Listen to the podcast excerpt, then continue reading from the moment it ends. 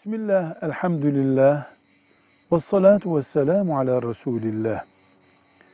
Mehir, dinimizin kadına erkeğin vermesini istediği bir tür hediyedir.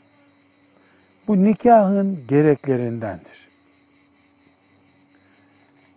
Dine riayet edilerek kıyılmış bir nikahta muhakkak mehir vardır. Mehir miktarı kadının isteğine bağlı bırakılmıştır. Kadın ne kadar isterse, erkek de ne kadar razı olur, ittifak ederlerse mehir odur. Mehir ne zaman ödenir?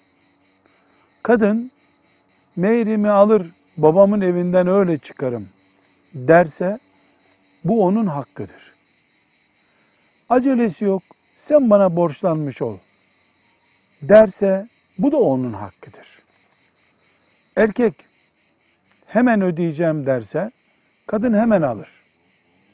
Hemen ödemeyeceğim, 3 yıl, 5 yıl içinde öderim gibi esnetirse, kadın da razı olursa böyledir.